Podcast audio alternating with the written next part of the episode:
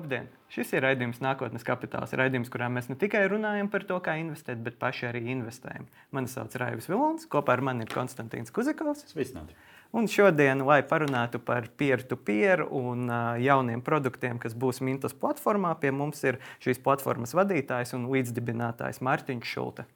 Sveiki! Taču pirms mēs ķersimies klāt Mārtiņām, peer-to-peer un visiem labumiem, kurā investori var ieguldīt ar ļoti mazām summām, Konstantīns pastāstīs, kā iet mums. Es esmu ļoti priecīgs šodien. Tā kā atribība atnāca jau vairākus mēnešus, nirgājis par to, ka neveicas ar portfeli rāvim, kurš ir ar bitkoiniem, kuriem ir, ir peer-to-peer platformas. Un kas ir rezultāts? Rezultāts ir tāds, ka ienesīgums 7,99% ir tieši rāvim pateicis, ka es sapratu bitkoinu. Nu, faktiski tikai bitkoinam peer-to-peer ir, nu, ir ok, tur nav nekas tāds, kas lec ārā, bet nu, tieši pateicoties kriptovalūtām, visas trīs arī nelaimīgā Solana, par kuru mēs vēl runājam, ka vajadzētu notirgot ar mīnusiem, ir uh, man kādas 50, 60 eiro pusē ienesus. Nu, tagad ir žēl, ka tu neinvestēji agrāk. Ka es nenopirku vēl lētāk. Jā. Okay. Nu, ko, man ir prieks, ka cilvēks apspēlē robotu, tāpēc, ka savu rabu investēšs ir otrajā vietā ar 6,13%. Arī ETF ļoti labi veicas. Tur jau pirmais ETF, kuram jau ienesījums par 11%, kā arī fondam ļoti labi veicas. Nu, un mans portfelis, kas vienkārši no akcijiem un no krājuma obligācijiem, Tad tur ir tikai plus 2,68. Stabili, bet plus. Tā kā man arī par to prieks. Jebkurā gadījumā mēs visi esam plusos. Tas, manuprāt, ir ļoti labi, jo gadu mēs sākam ar mīnusu un ilgi bija mīnusos. Tas tikai nozīmē tikai vienu lietu, ka, ja jūs investējat katru nedēļu pa, pa drusciņu, tad tomēr tā stratēģija darbojas. Jā. Ar bitkoiniem, ar parastām akcijām vai vienkārši ar nē, nu, protams, ar bitkoiniem atkal ir tas risks, ja kaut kas notiks slikti, vai, piemēram, ASV regulātori aizliegs BlackRockam un visiem pāriem šos ETFus un citus produktus palaist tirgos, tad potenciāli viņš atkal varētu nokrist. Tā kā šajā, šajā brīdī, teiksim, pieņemsim, ja mūsu stratēģija būtu mazliet citādāka, pārdot lietas, tad potenciāli varbūt kādu daļu no manas naudas būtu prātīgi konvertēt kaut kādā citā stabilākā varbūt. Es nezinu, bet, jā, nu, bet, protams, ir jāpietur. Bet, jā, kā skatītāji zinās, viena daļa un trešdaļa no mana portfeļa ir peer-to-peer -peer investīcijas, kur daļu veido arī Mintas, ko šodien pie mums pārstāv Mārtiņš. Uh, tad jautājums pirmais uh, ir.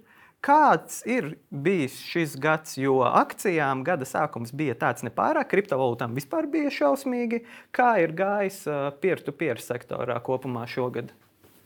Jā, droši vien pirms sākt ar nelielam ievadam, kas par mītus, kas ir. Šodien jau tā ir investīcija platforma. Mēs piedāvājam dažādu veidu aktīvus.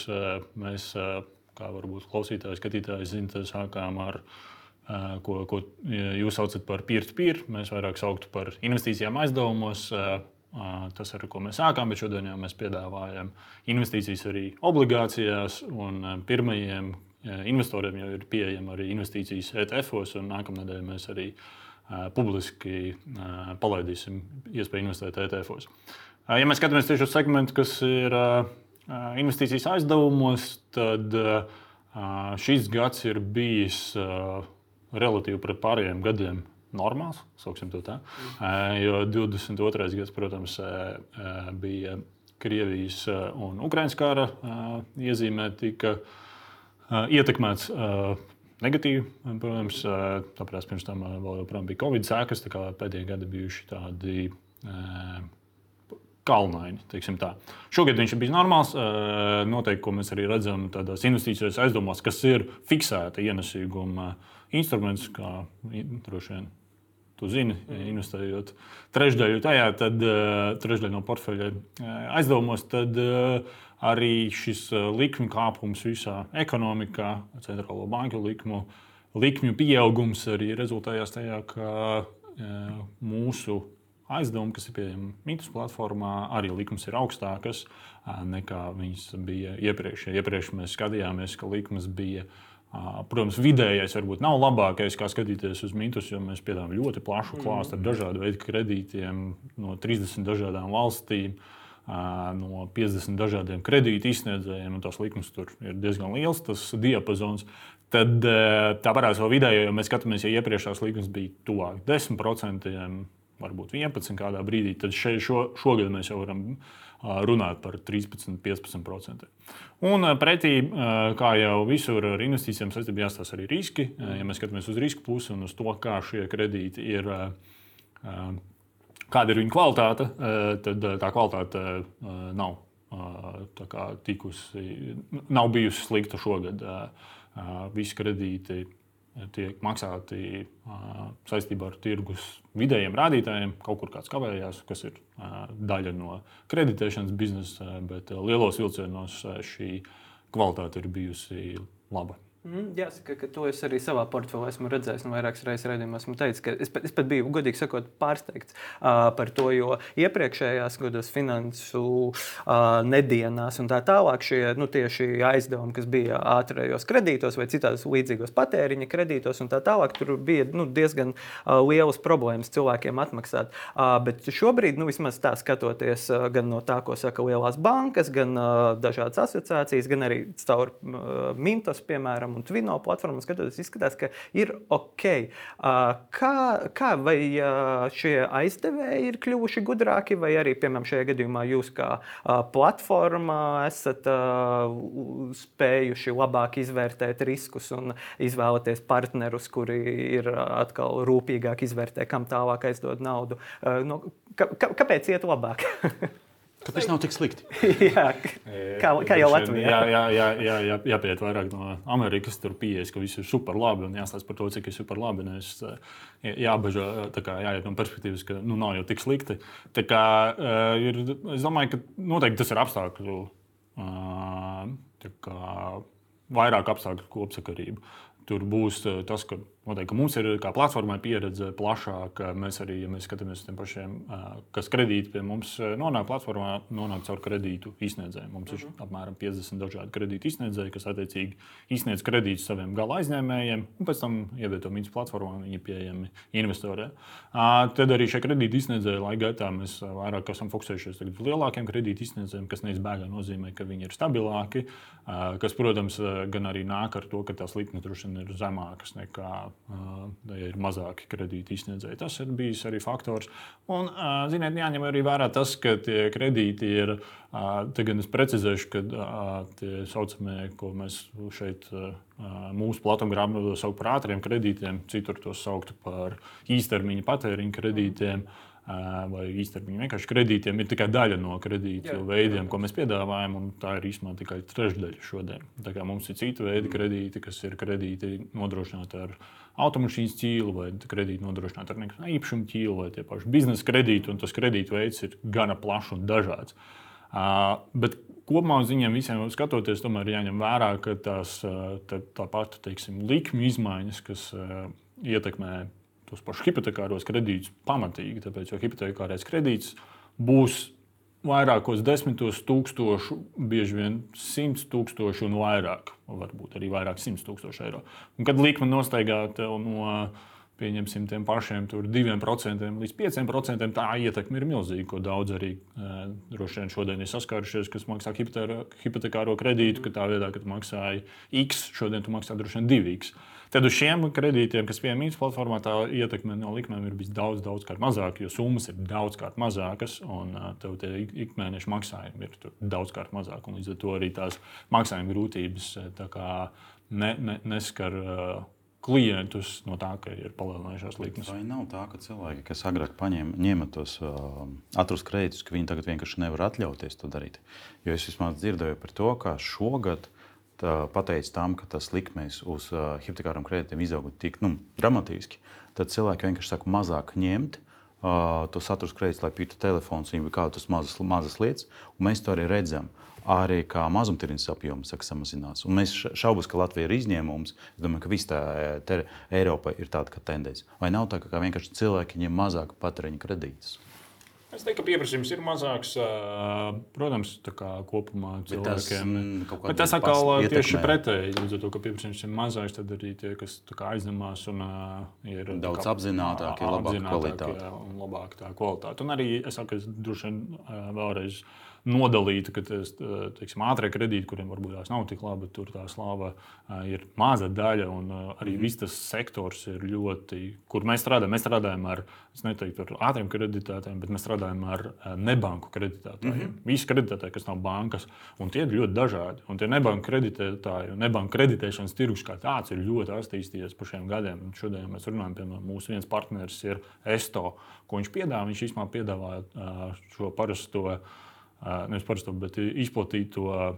Pēc tagad maksā vēlāk, vai nav pay later, risinājumu visā Baltijā. un Tur jau tās likmes ir ļoti salīdzināmas ar to, ko mēs paši pat nezinām, ko mēs maksājam savai kredītkartei bankā. Mm -hmm. un, tā kā tas segments un klients arī ir ļoti līdzīgs. Mm. Un, kā ko- kopumā šis ir ietekmējis investoru interesi? Vai teiksim, šajā gada laikā esat pamanījuši lielāku pieplūdumu, ka investori varbūt meklē iespējas ieguldīt šajos alternatīvos sektoros, tāpēc ka akcijām pārāk labi negāja, un savukārt tiem, kuri mīlēja risku, bet ne lielu risku, viņiem kriptovalūtas delikās varbūt tā labākā vieta. Realitāte kritika gada sākumā neveic. Jā, es tieši to saku, ka tie, kuri mīl risku, viņiem vajadzēja pirkt gada sākumā. Man vajadzēja varbūt vairāk vēl pirkt, tad man būtu 10%. Jā. Bet ā, kā tas ir atspoguļojies ā, platformā? Vai ir vairāk ā, jauni klienti, vai varbūt summas ir mainījušās? Jā, platformā droši vien daudz lielāka ietekme ir bijusi no tādiem teiktu, mikro uh, līmeņa uh, uh, lietām, nevis tā kā makro līmenī, mm. kas notiek uh, ekonomikā, mikro līmenī. Es to domāju, to, kas notiek Mītnes platformā, mm. kā platformā. Jo, uh, ko mēs uh, pēdējos gados darījām, mēs gājām cauri regulācijas ceļam. Šodien mēs esam pilnībā regulēts tirgus spēlētājs, ieguldījumu brokeru sabiedrību, kuru regulē Latvijas Banka.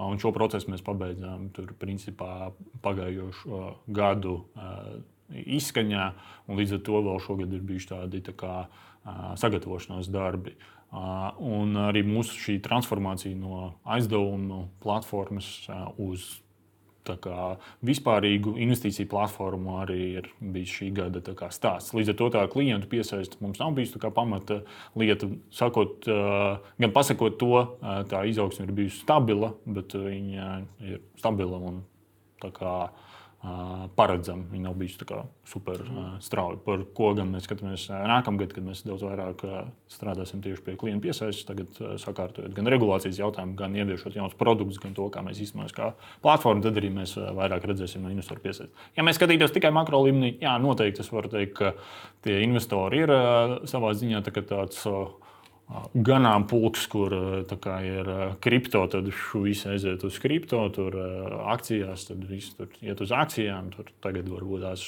uh, kripto noteikti vairs šis uh, tā kā uh, hypes. Uh, Nezinu, tāds uh, Vilnis. vilnis, eh, Entuziasms. par kripto ir noplacis. eh, Vismaz tādā ļoti plašā sabiedrībā par to arī daudz mazāk runā. Un, ā, Droši vien varbūt kāds taksists vēl runā par kripto, bet nu, vismaz viņš laikam vairāk Nē, nu, ja taksisti darīt. runa par kriptu, tad vispār tā, nevajag jā. ieguldīties. Tieši tā. Un, uh, uh, līdz ar to tad, uh, ir tās plūsmas, un mēs ko redzam, jā, noteikti, ka šis vilnis ar kripto ir mazāks, tad investori kā sāk diversificēt atkal portfeli. Jo tad, kad bija šis vilnis, tad bija pretējs. Mēs redzējām, ka no aizdevumiem mēs ļoti uzskatām, redzējām, piemēram, Covid ietekmē, kas notika, ka visas akcijas nogāzās. Es teiktu, ka mūsu investoru bāze ir jau pietiekami plaša, ka mēs varējām jau pat redzēt pirms. Uh, Uh, Covid tā kā kļuva visiem acīm redzams. Mēs jau tur februāra beigās, 20. gadā sākām redzēt, ka tā nauda sāk aizplūst kaut kur projām. Un tas beigās, kad mēs arī runājām ar investoriem, bija tas, ka tie investori investē akcijās, jo viņi redz, ka ir ļoti nokritušās. Un, Jā, kā jau mēs zinām, kad ir ārā uh, uz ielas asins, tad tas ir labākais laiks, kad pirkt. Daudz to arī darīt. Jūsu industrija ļoti gudra. Viņi no jūsu platformas paņēma naudu, tā, kad tā akcijas ir lētas. Un tagad, kad viņi sāk augt, tad atpakaļ Ā, Vai profils mainījies par šo gadu, vai tas, tas vidējais ienesīgums, vai nezinu, tur veicums? Jo mēs runājam par to nesen ar Sebanku par to, kā vispār Baltijā atšķiras te līmenī. Bet vat, jūs varat pateikt, kā vai, vai investors novecojis, vai tieši otrādi kļuva daudz jaunāks, mm. vai tā vidēja cipars kļuva lielāks. Kaut kādas reģionālas atšķirības, jo jā, jā. tas darbojas jā. ļoti plašā reģionā. Atkal droši vien teikšu, ka tos vidējos ciparus ir nedaudz grūti izmantot, mm -hmm. jo mums ir šodien 500, vairāk kā 500 tūkstoši klienti visā Eiropā. Un mūsu kā, pārvaldībā vai administrācijā ir uh, vairāk nekā 600 miljonu eiro uh, kapitāls. Līdz ar to būs ļoti mm. plašs tas diapazons, kā, kādi ir investori. Ko mēs redzam, jā, uh, ka tie investori, nu, piemēram, mūsu lielākās valstis ir Vācija, Spānija, Čehija, man ir mm. pietiekami liela. Uh, Baltija mums ir. Uh, ir daļa no mūsu biznesa, bet tā noteikti nav lielākā daļa. Uh, tas investors, es teiktu, ka uh, nu, Mēs, mēs strādājam arī tur dekādas, tagad, lai mēs pateiktu, ka tur ir ļoti tādas tektoniskas izmaiņas mm -hmm. bijušas. Bet es teiktu, droši vien, ka viņš paliks tur vairāk vai mazāk tas tāds pats.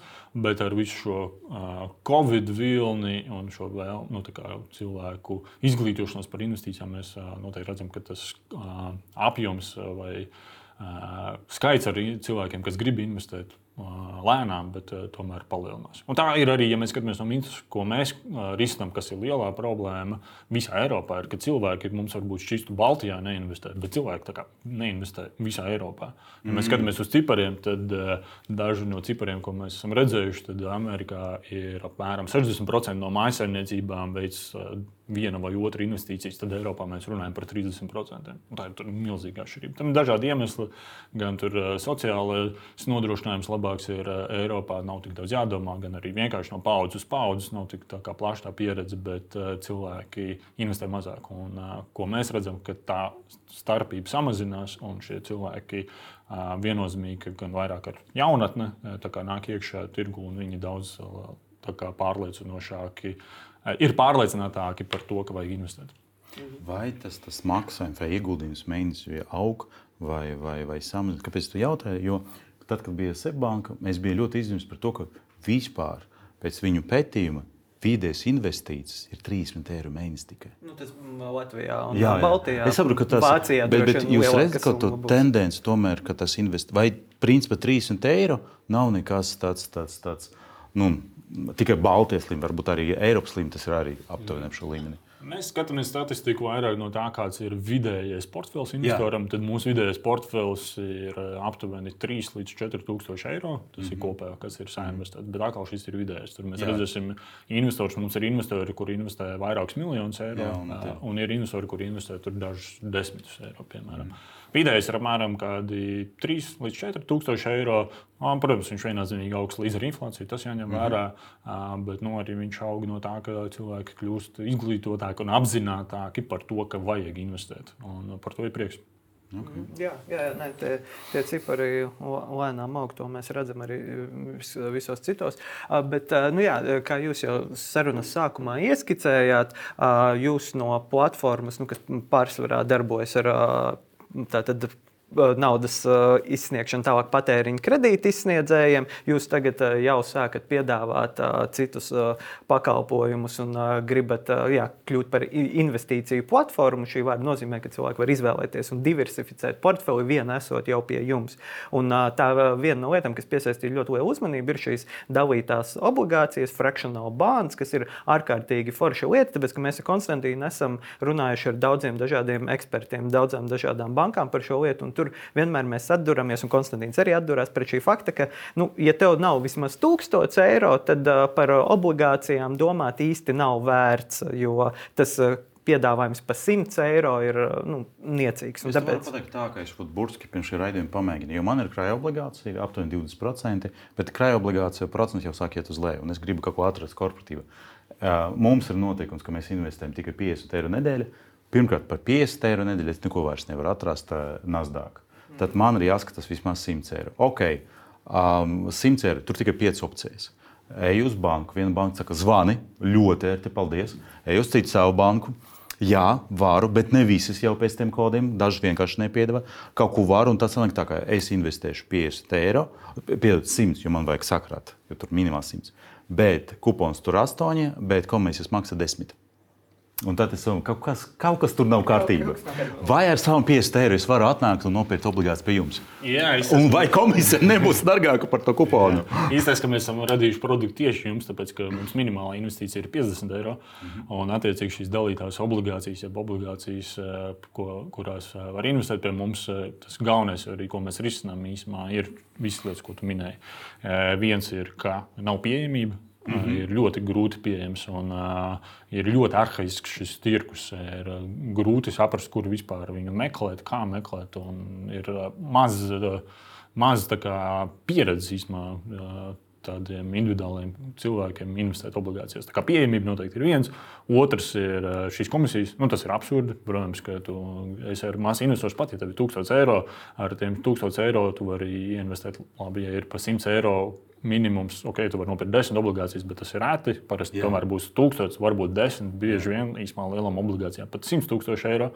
Un, attiecīgi, tu nevari uzbūvēt diversitātu portfeli. Eh, Tā, kā, tā ir vēl eh, problēma, ko mēs risinām, ir kā, gan pieejamība, gan ir ērtums. Un uh, trešā lieta ir par komisijām. Nu, komisijas uh, ir noteikti liela daļa uz, no, no investīciju pieredzes ir jāsās komisijām. Mītus platformā mēs viņu veidojam bez komisijas. Mm. Attiecīgi, nav jāmaksā par darījumu komisijas un nav vispār no investoru puses nekādas Vai tas komisijas. tas klasiskais uh, obligāciju ETF, ko es arī varu atrast Interactive Brokers, vai tas kaut kas cits? Nē, mēs eh, piedāvājam tieši uh, konkrētas obligācijas. Uh, to var izvēlēties. Redzēs, piemēram, mums ir pirmās uh, obligācijas, tagad ir uh, Latvijā zināmiem uzņēmumiem, vai mm -hmm. vismaz no Latvijas uzņēmumiem. Viens ir Eleving obligācijas, kur tu vari investēt sākot no 50 eiro. Eleving mm -hmm. ir attiecīgi kreditēšanas uzņēmums, kas izsniedz kredītus pret, pret automašīnas ķīlu pārsvarā un arī citus kredītveidus. Un uh, tieši vakardien mēs uh, sākām piedāvāt arī tāds iCoton, kas ir vairāk tāds saimniecības preču ražotājs, kas arī izlaid obligācijas. Un šīs obligācijas var ļoti ērtā veidā. Nav jāzvana nevienam, kas mm -hmm. vēl joprojām mūsdienās šķiet, nu, ja es kaut ko gribu nopirkt. Cilvēki jau tā nerunā pa telefonu, kur nu vēl uz banku jāzvana. Vai savu citu brokeri, un tad viņš tur pa galvu, pa kaklu tur kaut ko meklē, uz lapiņas varbūt pierakst. Nu, tas viss tā kā muļķīgi. Nu, ienāc pie mums uh, mitusā daži klikšķi, un tu esi nopircis obligāciju. Un tu vari sākt investēt no 50 eiro. Un, uh, kā, Kāda ir paliks kupons? Kupons paliek, protams, ka cilvēks investē savus 50 eiro. atti- Attiecīgi arī kupons tiek dalīts uz visiem investoriem, kas, ā, Ok. kas nopērk. Tad, tad kur jūs pelnāt? Es tā visu laiku Mēs pelnām.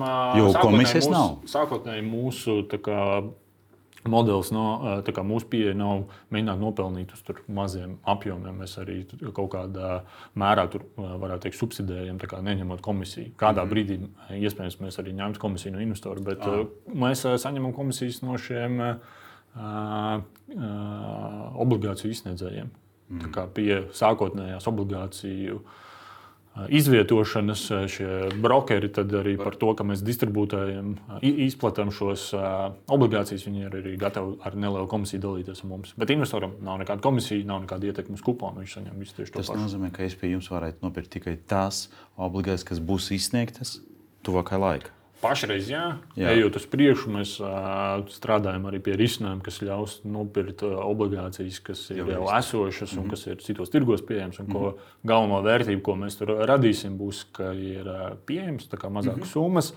Protams, šī lietotāja pieredze, nu, arī tās pašas komisijas izmanto tās pašas trīs lietas, ko es jau minēju. Plus arī mēs redzam, ka mūsu tirgus, mums šodien ir vairāk kā 500 tūkstoši lietotāji. Tas nozīmē, ka mūsu otrreizējais tirgus ir mm -hmm. ļoti likvīds. Līdz ar to bieži vien tā likviditāte, ja tu gribēsi obligāciju pārdot, būs lielāka pie mums nekā biržā. Sounds Ļoti good. Interesanti, jā. Un tad uh, otrs ir arī, ko jūs sākumā pieminējāt, ir par uh, ieguldījumu ETF-os, akciju ETF-os. Tātad, uh, kā tas redzams, tā, tāpat kā obligācijas, tā tad uh, princips uh, līdzīgs. Vai? Kas par ETF-iem? Kas tur Jā, priekšā? ETF-iem, attiecīgi, tur tas mūsu pieeja un problēma, kur mēs saredzam, runājot ar investoriem, ir, ka investori viens ir, varbūt viņi zina, ka vajadzētu investēt ETF-os, bet kur sākt? Tad mums ir diezgan viegls tas veids, kā sākt. Nav tur atkal ā, sarežģīti tur meklēt, kurā tur brokerī, kādas tur komisijas un tā tālāk. Mums ir arī bez komisijām jā, jāuzsver ETF investīcijas. Un otra liela problēma, ko mēs esam novērojuši, kas, protams, neatieksies uz visiem. Varbūt Konstantīns, kurš ir jau ilgāk investē, varbūt viņam šī nešai problēma, bet tādam cilvēkam, kas tikko sāk, viena no pamat problēmām ir, labi, es atvērstu tur interaktīvu brokeru. Ienāc iekšā un tev bladās, tur ir 2000 ETF. Jā. Ar ko tad lai es sāku? Es, es varu pateikt, nu, ka arī es gada sākumā pārdevu savu ETF, kas bija SP 500. Tāpēc, ka uh, SP 500 aug, bet tā komisija tur bija tik augsta, ka es vispār to izaugsmus neredzēju. Es biju mīnus visu laiku. Tāpēc Attiec... tas arī tas ir absolūti dažāds. Jā, un attiecīgi tur mēs bū, uh, esam uzbūvējuši produktu, kur mēs uh, veidojam personalizētu portfeli. Mm. Atkal var sākt investēt no 50 eiro, uh, kas jau īpaši personalizētā portfelī nozīmē, ka bieži vien to, ja tu saliec teiksim, no 5, 6 ETF, īstenībā tev tā minimālā summa tur pat būs tur 6, 700 eiro. Pie mums var sākt no 50 eiro, jo atkal ir šī dalītās, dalītā investīcija. Un mēs tev saliekam arī attiecībā, balstoties uz klienta anketu un klienta kā, šiem, šiem aptaujas rezultātiem, mm -hmm. mēs arī iedodam tev personalizētu portfeli. Kā, piemēram, Konstantīnam varbūt vajag tur lielāku riska pakāpi, varbūt Aivim vajag bišķiņ mazāk riska pakāpi. Pēc Cyberoba investora. Droši vien kaut kādas pamatojas uz to ankētu, tika veidots arī portfels. Es domāju, droši vien jau kaut kādas tur uh, savu. Nu, jā, un tad arī nākotnē jūs vienkārši arī piepirsiet manu vietu, tas, tas, tas ETFs, vai tomēr man individuāli būs viņa? Nē, mēs visu arī rebalansēsim, tad, kad mēs redzēsim, ka varbūt viena pozīcija ir aizgājusi uz augšu vai uz leju. To mēs arī darām. Un mēs arī esam skatījušies, lai Eiropas līmenī tas ir nodokļu efektīvi. Līdz ar to visi ETF, ko mēs izvēlamies, ir nodokļu optimizēti, tā saucamie uzkrājošie. ETF, lai nav šīs dividendes, mm -hmm. netiek izmaksātas un nav nodokļu efekts. Un beigās es teiktu, ka tas ir ļoti daudz arī par to investīciju pieredzi, ka tas ir vienkārši.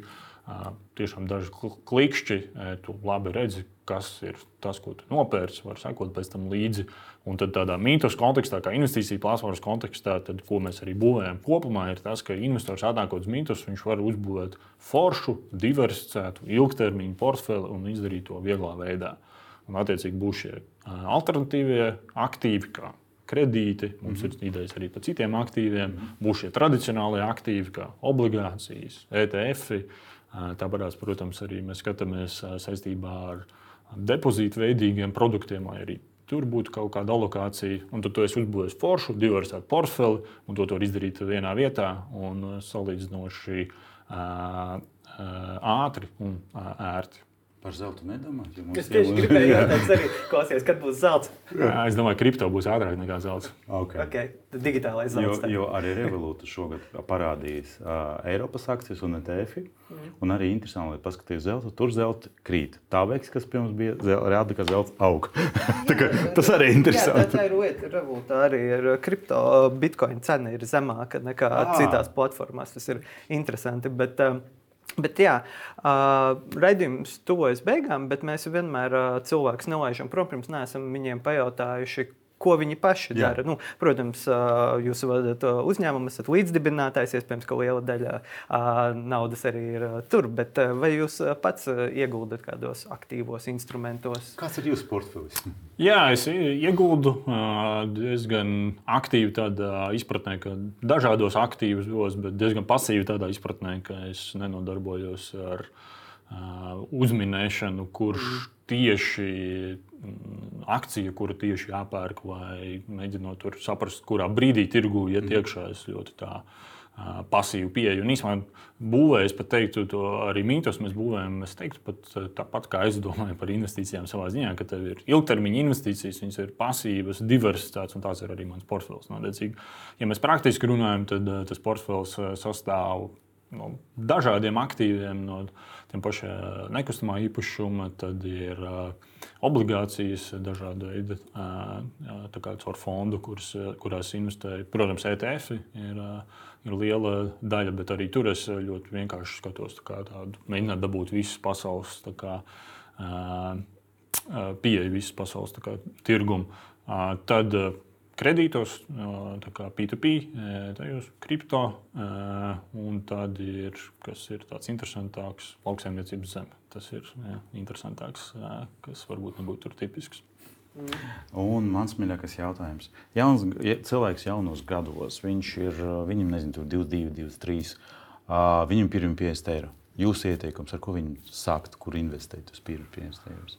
Pirmos 50 eiro, ja cilvēks ir. Uh, pirmos 50 eiro, es ceru, ka tie pirmie 50 eiro pēc tam, kad cilvēks ir uzkrājis ir drošības pirmais. ir, Tad pirmie 50 eiro, kurus es varu investēt, tad es tos pirmos 50 eiro visdrīzāk skatītos arī, vai cilvēks strādā vai nē. Ja viņš strādā, tad es izvēlētos uzkrājušo dzīves apdrošināšanu. Es domāju, lielisks produkts, ceļš mūsdienās, ka tās komisijas ir super zemas un ar nodokļu atvieglojumiem tas būtu tas, kur es paskatītos. Uh, un tālāk, droši vien nākamos 50 eiro, tad es mēģinātu jau sākt būvēt tādu diversificētu portfeli un sākot ar tiem pašiem ETF-iem. Un, un, un, uh, arī, ja gribās, tad pielikt kaut kādus alternatīvos aktīvus. Un tas ir tas, kur mēs redzam arī mītus, kur mēs nākam palīdzīgā, ja cilvēkam ir šie 50 eiro vai 100 eiro mēnesī, ka viņš var atnākt uz mītus un uzbūvēt jau diversificētu foršu portfeli.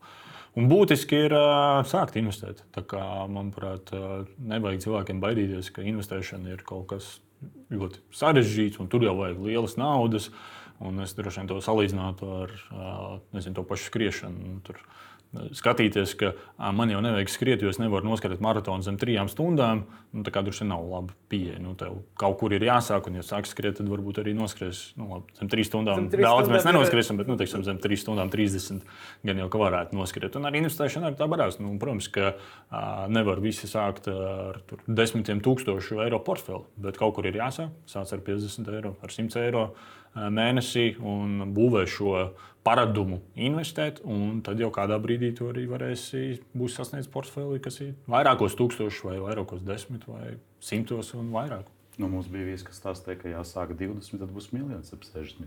Jā, var sakrāt. Bija Lunčija bankas aprēķins, ka, ja sākot no 20 krāsprātīgi, var sakrāt miljonu. Nu, inflācija, protams, noēdīs. Nu, bet, bet, jā, jā, protams, bet, uh, nē, bet uh, tas ir, uh, šie ir labi iedvesmojoši vārdi. Ar to maratonu ir forši salīdzināt. Es pats noskrēju drusku virs četrām stundām, un varbūt ar to pietiek. Arī, un arī investīcijās. Varbūt tas jau ir labi. Jā, jā, nē, nē, bet varbūt arī investīcijās uh, tie 4 5, 6%, par ko mēs runājam, arī ir ļoti ok dažādos apstākļos.